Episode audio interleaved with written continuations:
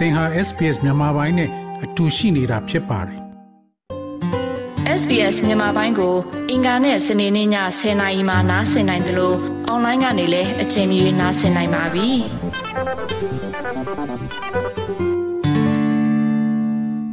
တော်ရရှိမြခင်ဗျာ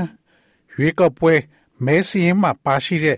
ဩစတြေးလျနိုင်ငံသားတိုင်းကိုခုံသမာဓိအဖွဲ့ဂျူရီအဖွဲ့ဝင်လူကြီးအတွက်ဆင့်ခေါ်နိုင်ပါတယ် ဒါပေမဲ့သင်ကိုဂျူရအဖြစ်ဆင့်ခေါ်ခံရရင်ဘာတွေပါဝင်လဲဂျူရီအဖွဲ့ဝင်လူကြီးတွေကဘာအတွက်လဲဆိုတာကို တင်ပြပေးမှာဖြစ်ပါတယ်ဂျူရီများသည်ဩစတြေးလျတရားစီရင်စနစ်ရဲ့အဓိကအစိတ်ပိုင်းတစ်ခုဖြစ်ပါတယ်ထို့သောလှုပ်ဆောင်ရန်ဖိတ်ခေါ်ခံရသောအခါတွင်ဩစတြေးလျနိုင်ငံသားတဦးအနေဖြင့်ဂျူရီလူကြီးဖြစ်ထမ်းဆောင်ရမယ့်တာဝန်ဖြစ်ပြီးလူများကခေါ်ယူမှုကို မလုံဆောင်ပေးပါက ဒဏ်ငွေတက်ခံနိုင်ရပါတယ်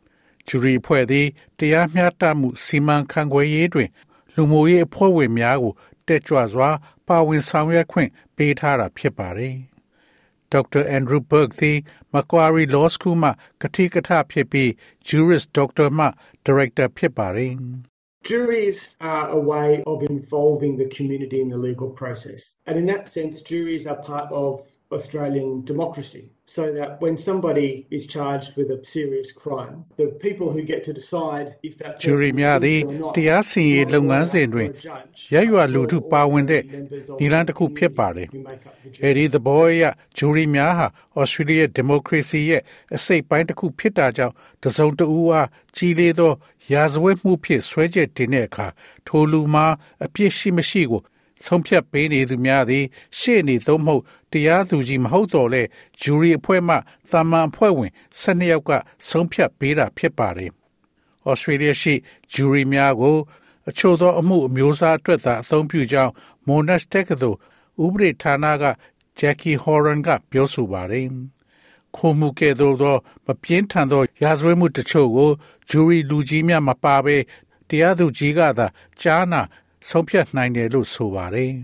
The juries in Australia are only in cases that are very serious. So we have them for murder trials, armed robbery trials, and trials of sexual assault. ဩစတြေးလျရှိ The ဂျူရီ less များသည် serious အလွန် criminal ပြင်းထန်သော cases ကိစ္စများအတွက်သာ like ဖြစ်ပါတယ် just heard without ဒါကြောင့်လူသတ်မှုစုံစမ်းမှုတွေလက်နက်ကင် ဓမြတိုက်မှုတွေနဲ့လိမ်ပိုင်းဆိုင်ရာကျူးလွန်မှုတွေအတွက်စုံစမ်းမှုတွေပြုလုပ်ဖို့ကျွန်တော်တို့မှာဂျူရီလူကြီးများရှိပါတယ်။ခုံမှုကဲ့သို့မပြင်းထန်သောရာဇဝတ်မှုမျိုးမှာဂျူရီလူကြီးများမပါဘဲတရားသူကြီးကသာကြားနာဆုံးဖြတ်နိုင်ပါတယ်။ဂျူရီကိုယ်စားလှယ်လောင်းများရဲ့အမည်ကိုဩစတြေးလျရွေးကောက်ပွဲမဲစင်းရင်မှဂျာပန်ရွေးချယ်ထားကြောင်း Charles Strat တက္ကသိုလ်မှဥပဒေနဲ့ တရားမျှတမှုဆိုင်ရာ Center Director Mark Nolan ကပြောဆိုပါတယ် Usually, the process is you would receive a letter that says you have been summoned for jury duty. Go to this website and fill in a, a survey and tell us about yourself and tell us about whether you think you can sit on a trial and be a juror. Sometimes it might ask you questions about your English ပုံမှန်အား language ဖြင့်လုပ်ငန်းစဉ်သည် Sometimes it မင်း might ကို ask you ဂျူရီ questions တာ about ဝန် your အတွက် work. ဆင့် Whether ခေါ် you ခြင်း know ခံရပြီး someone who is involved အဲ့ဒီ website သို့သွားပြီးစစ်တမ်းတစ်ခုဖြည့်ပြီးသင်အကြောင်းကိုပြောပြပြီးသင်ဂျူရီခေါ်ယူမှုမှာပါဝင်နိုင်သည်ကို ပြောပြပါ ဂျူရီဖြစ်ဖို့အတွက်တခါတရံတွင်သင်ရဲ့အင်္ဂလိပ်စကားကျွမ်းကျင်မှုနဲ့ပတ်သက်၍မေးခွန်းများမေးနိုင်ပါတယ်တခါတရံတွင်သင်အလုံးနဲ့ပတ်သက်တဲ့မေးခွန်းများကိုလည်းမေးနိုင်ပါတယ်ဒါမှမဟုတ်အမှုတွင်ပါဝင်ပတ်သက်နေသည်ကိုသိလားမသိလားကိုလည်းမေးမြန်းနိုင်ပါတယ်အများအားဖြင့်ဂျူရီလူကြီး12ဦးရှိတော်လဲတခါတရံတွင်အဲ့ဒါထက်နည်းနိုင်တယ်လို့ တွဲဖက်ပေါမောက္ခဟိုရန်ကရှင်းပြပြီးစီးမြင်များသည်ပြည်내နဲ့နေမြေတစ်ခုစီတွင်ကွဲပြားတယ်လို့ဆိုပါတယ် In the serious criminal cases, the number of jurors in a case isn't always the same. It depends on the different parts of Australia where you're in, but usually it's 12. In some places in Australia, they actually have juries for civil cases, like they do in America. So there might be a civil case of somebody suffering a major injury, perhaps in a ကြီးလေးသော hospital. မှုကင်းများတွင် They can အ sue မှု the တွဲတစ်ခုတွင် hospital or the doctors, ဂျူရီများအရေးအတွက်သည် and that အမြဲတမ်း case တူညီ in မှာ some မဟုတ်ပါ places ဘူး like Victoria သင်ရောက်ရှိနေတဲ့ can ဩ actually စတြေးလျ have a ရဲ့ jury of ကွဲ six ပြားသော people ဒေသများပေါ်မှာ in that case. မူတည်တော်လဲများသောအားဖြင့် ဂျူရီအဖွဲ့ဝင်12ဦးရှိပါတယ်။ဩစတြေးလျရှိတချို့သောနေရာများတွင်၎င်းတို့သည်အမေရိကကလိုပဲ ရပ်ဖက်အမှုများကိုဆုံးဖြတ်ဖို့အတွက်ခုံရုံများထားရှိကြပါတယ်။ဒါကြောင့်တရားကြီးကြီးမားမားခံစားရတဲ့တစုံတစ်ယောက်အတွက်အရက်ဖက်အမှုတွဲတစ်ခုရှိကောင်းရှိနိုင်သလိုဒါကဆေးရုံမှာဖြစ်နိုင်ပါတယ်။ဒါမှမဟုတ်ဆရာဝန်တွေကိုတရားစွဲနိုင်တာမျိုးလည်းဖြစ်နိုင်ပါတယ်။ Victoria လို့နေရာမျိုးမှာဒီအမှုကိုကြားနာတဲ့ဂျူရီလူကြီး6ဦးရှိနိုင်ပါတယ်။တချို့သောအခြေအနေများမှာ ကလေးငယ်များရဲ့မိဘတဦးတည်းသို့မဟုတ်တစုံတဦးမှလုပ်ငန်းအသေးစားတစ်ခုလှုပ်ဆောင်မှာကဒေါက်တာဘတ်ကဖော်ပြသည်မှာအဲ့ဒီလူရဲ့လုပ်ငန်းကို ထိခိုက်နိုင်ခဲ့ရင်ဂျူရီကိုယ်စားလောင်းတဦးဖြစ်ဖို့အတွက်လာရောက်ခြင်းမှကင်းလက်ခွင့်ပေးနိုင်တယ်လို့ဆိုပါတယ် The Jury Act exempts some categories of people from jury duty. For example, lawyers. I am exempt from being a juror because I'm a lawyer. Also, people with very important jobs. If you are an Jury Act သည်လူတချို့ကို jury တာဝန်ပေးခြင်းမှကင်းလွတ်ခွင့်ပေးထားပါတယ်။ဥပမာအားဖြင့်ရှေ့နေများကျွန်ုပ်တို့သည်ရှေ့နေတူဖြစ်သောကြောင့် jury ဖြစ်ခြင်းမှကင်းလွတ်ခွင့်ပေးနိုင်ပါတယ်။ဒါအပြင်အလွန်အရေးကြီးတဲ့အလောက်ကန်ရှိသူတွေလည်းဖြစ်နိုင်ပါတယ်။တကယ်လို့သင်ဟာအရေးပေါ်ဆရာဝန်သို့မဟုတ်သူနာပြုတူဖြစ်နေပါကသင်သည် jury လူကြီးဖြစ်ရမလိုအပ်ပါဘူး။ အလားတူတစုံတစ်ယောက်သည်အခြားအာယုံချုပ်ရင်းနေပါက၎င်းတွင် ပြင်းထန်သောကျန်းမာရေးပြဿနာများရှိနေပါက၎င်းတို့သည်တက်ကြီးရွယ်အိုများကို ပြုစုဆောက်ရှောက်ပေးနေလို့မထားနိုင်ခဲ့ရင်ကင်းလွတ်ခွင့်ပေးနိုင်ပါတယ်။အမှုစစ်ဆေးစီရင်ကာလတလျှောက်လုံးမှာသင်မနေနိုင်ဘူးလို့ဂျူရီဖြစ်မဲ့လူကြီးတယောက်ကခံစားရရင် အမှုမစခင်မှာပြောသင့်တယ်လို့ဒေါက်တာဘတ်ကဆိုပါတယ်။ At the very beginning, before the trial starts, the judge or the Crown prosecutor will give a brief description to the jurors to say that this is what the charge is and this is what the, the sort of evidence that you're going to hear. So, of course, many trials might involve upsetting evidence and photographs and so on. So they describe that and they'll say if any of you ရုံးချိန်မစတင်မီအစတွင်တရားသူကြီးသို့မဟုတ်တရားလို့ရှေ့နေသည်ဤဒီမှာဆွဲချက်တင်ခြင်းဒါကိုဆွဲချက်တင်ခြင်းဖြစ်တယ်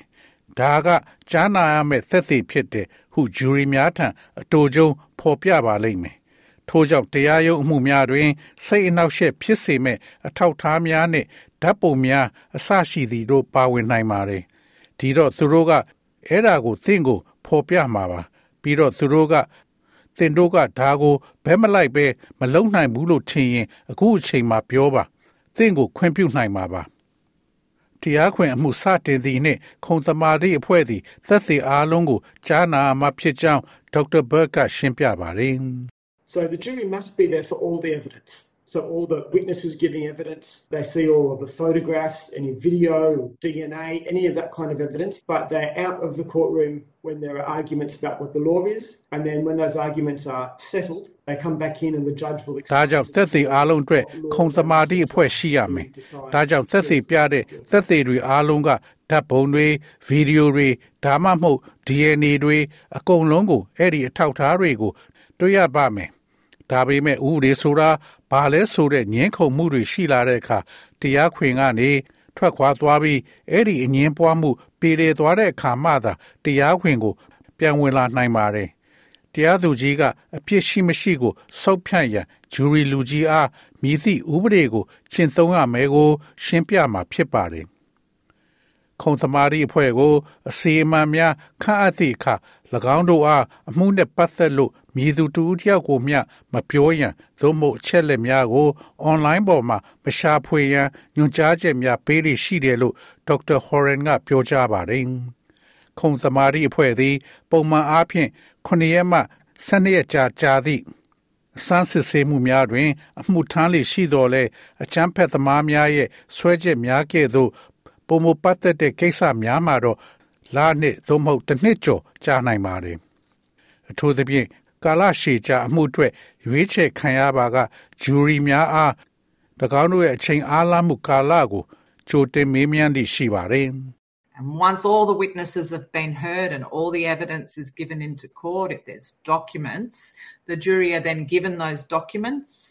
and they're given the transcript of the court case and they're put into a jury deliberation room and they're asked to deliberate and it can take some time several talks သက်သေအားလုံးကိုကြားနာပြီးသည်နှင့်တရားရုံးသို့ပေးဆောင်ပြီးသည်နှင့်စာရွက်စာတမ်းများရှိပါက ခုံသမာဓိအဖွဲ့မှအဆိုပါစာရွက်စာတမ်းများကို ပေးအပ်ပြီး၎င်းတို့အားတရားရုံးရဲ့အမှုတွဲမှတ်တမ်းကို ပေးအပ်မှာဖြစ်ပါသည်၎ င်းတို့ကိုဂျူရီလူကြီးများဆွေးနွေးခန်းတွင် ထားရှိကာသုံးသက်ဝေဖန်ရန်ပြုလုပ်ပေးထားပါသည်ဂျူရီလူကြီး12ဦးစလုံးသည်ပြဿနာအလုံးကိုဆွေးနွေးရန်အချိန်အနည်းငယ်သို့မဟုတ်နိုင်များစွာကြားနိုင်ပြီးတရားခံသည်ကြိုးကြောင်းစီလျော်သောတန်တရားဖြစ်ဖွယ်ထက်ကျော်လွန်၍အပြစ်ရှိကြောင်းခြေနှမ်းမှုရှိစေရန်သို့မဟုတ်စစ်ဆေးတွေ့ရှိပါကအပြစ်ရှိကြောင်းကိုဆုံးဖြတ်ချက်ပေးနိုင်ပါသည် ဒေါက်တာဟော်ရန်ကစီရင်ချက်သည်တညီတညွတ်တဲ့ဖြစ်ရန်လိုအပ်ကြောင်းသို့မဟုတ်ချိုကိစ္စများတွင်ဂျူရီ၁၁ယောက်မှတယောက်ထိသဘောတူရန်လိုအပ်တယ်လို့ဆိုပါတယ်။ Whilst the serious cases like murder in most parts of Australia require all 12 jurors to agree, there are some times where only 11 out of the 12 jurors need to agree for a verdict to be accepted by the judge from the jury. So, for example, it might be a sexual assault case, and 11 of the jurors Australia ရဲ့နေရအများစုမှာလူသတ်မှုကဲ့သို့ပြင်းထန်သောအမှုများတွင် jury လူကြီး12 စလုံးသဘောတူရန်လိုအပ်တော်လဲတခါတရံတွင်တရားသူကြီးကဂျူရီလူကြီး12ဦးတွင်12ဦးကသာစီရင်ချက်ချရန်သဘောတူရန်လိုအပ်တယ်လို့ဆုံးဖြတ်နိုင်ပါတယ်။ဥပမာလိမ်ပိုင်းဆိုင်ရာစော်ကားမှုကိစ္စမျိုးတွေမှာဂျူရီလူကြီး12ဦးကတရားခံသည်အပြစ်ရှိကြောင်းသဘောတူရင်တရားသူကြီးမပါဝင်ဘဲဆုံးဖြတ်ချက်ပေးနိုင်ပါတယ်။ တရားခုံသည် ခုံသမာဓိအဖွဲ့ရဲ့စီရင်ချက်အားလက်ခံရန်ကြိုးကြောင်စီလျော်သောတန်တရားလွန်ကဲစွာဆွဲချက်တင်ထားသော ပြစ်မှုမှာအတွက်အပြစ်ဖြစ်ရန်လုံလောက်ပါတယ်။ဂျူရီလူကြီးများသဘောတူညီချက်မရရှိပါကမိတို့ဆောင်ရွက်လို့ရတယ်ဆိုတာကိုဒေါက်တာဘတ်ကရှင်းပြပါတယ်။ If the jury cannot agree 12 nil or 11 1 then it's what's known as a, a hung jury. And that means that there must be a new trial. Start all over again with a new trial and different jury. Or at that point, the prosecution can say, well, we give တကယ်လို့ jury လူကြီး12ယောက်စလုံးသို့မဟုတ်17ယောက်တယောက်ကသဘောမတူပါက၎င်းကို hung jury လို့ခေါ်ပါတယ်။ဆိုလိုဒီမှာတရားစီရင်မှုအသစ်တစ်ခုကိုစတရားမှာဖြစ်ပြီးတရားစီရင်မှုအသစ်တစ်ခုမှာနောက်ထပ် jury အဖွဲ့အသစ်တစ်ခုဖြင့်ပြန်လည်စတရားမှာဖြစ်ပါတယ်။သို့သောထိုအချိန်တွင်တရားလိုသည် ငါတို့အရှုံးပေးတယ်ငါတို့အနိုင်ရမှာမဟုတ်ဘူးငါတို့လက်လျှော့လိုက်ပြီလို့ပြောနိုင်ပြီးနှစ်ချိန်သုံးချိန်လောက်ကြားတဲ့အခါမှာတရားစွဲခံရရင်အရှုံးပေးလိရှိပါတယ်ဂျူရီတာဝန်ထမ်းဆောင်သည့်နေတိုင်းအတွက်ဂျူရီလူကြီးတူအားလာစာပေးဆောင်ရမယ်လို့ဒေါက်တာဟိုရန်ကပြောပါတယ် It is a requirement of everybody's boss that they paid the equivalent of what they'd normally be paid for if they were going to work, but they actually go into jury service. So each state and ဒါဟာလူတိုင်းအတွက်အလုတ်ကင်ကတထေးရဲ့လိုအပ်ချက်တစ်ခုဖြစ်ပါတယ်။သူတို့ကအလုတ်သွားမယ်ဆိုရင်ပုံမှန်ရမယ့်လစာနဲ့ညီမျှတဲ့လစာကိုပေးရမှာဖြစ်ပါတယ်။ထို့ကြောင့်ပြည်내နဲ့နယ်မြေတစ်ခုစီသည်သင်အားဂျူရီအဖွဲ့သို့တက်ရောက်ရန်နေတိုင်းငွေအနှဲငယ်ပေးပါတယ်။ဒါပေမဲ့ သင်ပုံမှန်ဝင်ငွေနဲ့မတူဘူးဆိုရင်သင်ရဲ့သထေးကအဲ့ဒါကို ဖြည့်ဆည်းပေးရမှာဖြစ်ပါတယ်လူအများစုသည်ဂျူရီအဖွဲ့တွင် အမှုထမ်းရာစာပိုင်းတွင်ကြောက်ရွံ့နေကြတော်လဲ၎င်းကိုဖျက်ဆီးဖူးသူများသည့်အတွေ့အကြုံကိုတန်ဖိုးထားတတ်တယ်လို့ဒေါက်တာဟော်ရန်ကဆိုပါတယ် It's not very often in your life that you get to do somebody else's job for a week or two. But in this case, citizens are able to be a judge and see how the justice system works. And it's a very fascinating, once in a lifetime experience that after you've done it, you really appreciate တခြားသူရဲ့အလုပ်ကိုလုပ်ရတာမကြာခဏမဟုတ်ပေမဲ့ဒီလိုအခြေအနေမျိုးမှာနိုင်ငံသားတွေဟာတရားစီရင်ရေးစနစ်နဲ့တရားစီရင်ရေးဘလို့အလုပ်လုပ်တယ်ဆိုတာကိုသိမြင်နိုင်ပါတယ်ပြီးတော့အဲ့ဒါကိုတစ်သက်မှာတစ်ခါလုပ်ပြပြီးရင်အရန်သဘောကျတဲ့အတွေ့အကြုံတစ်ခုပါ ပြီးတော့လူတွေကတစ်ချိန်ပြီးရင်နောက်တစ်ချိန်ထပ်လုပ်ရတာပျော်တယ်လို့သူသေသနာတွေအရသိရှိရပါတယ်။သောတာရှင်များခင်ဗျာ SBS သတင်းဌာနက Chiara ပဇာနိုးရဲ့ဆောင်းပါးကိုဘာသာပြန်တင်ဆက်ပေးထားတာဖြစ်ပါတယ်ခင်ဗျာ sbs.com.au/bemis ကို home နေရာမှာထားပြီးတော့အမြဲတမ်းနှာစင်နိုင်ပါတယ်။ နောက်ဆုံးရသတင်းတွေ၊ဆောင်းပါးတွေနဲ့စစ်တမ်းတွေမှာပါဝင်ပြီးတော့ဆက်သွယ်မှုလုပ်နိုင်ပါတယ်။ sbs.com.au/bemis ဖြစ်ပါတယ်ရှင်။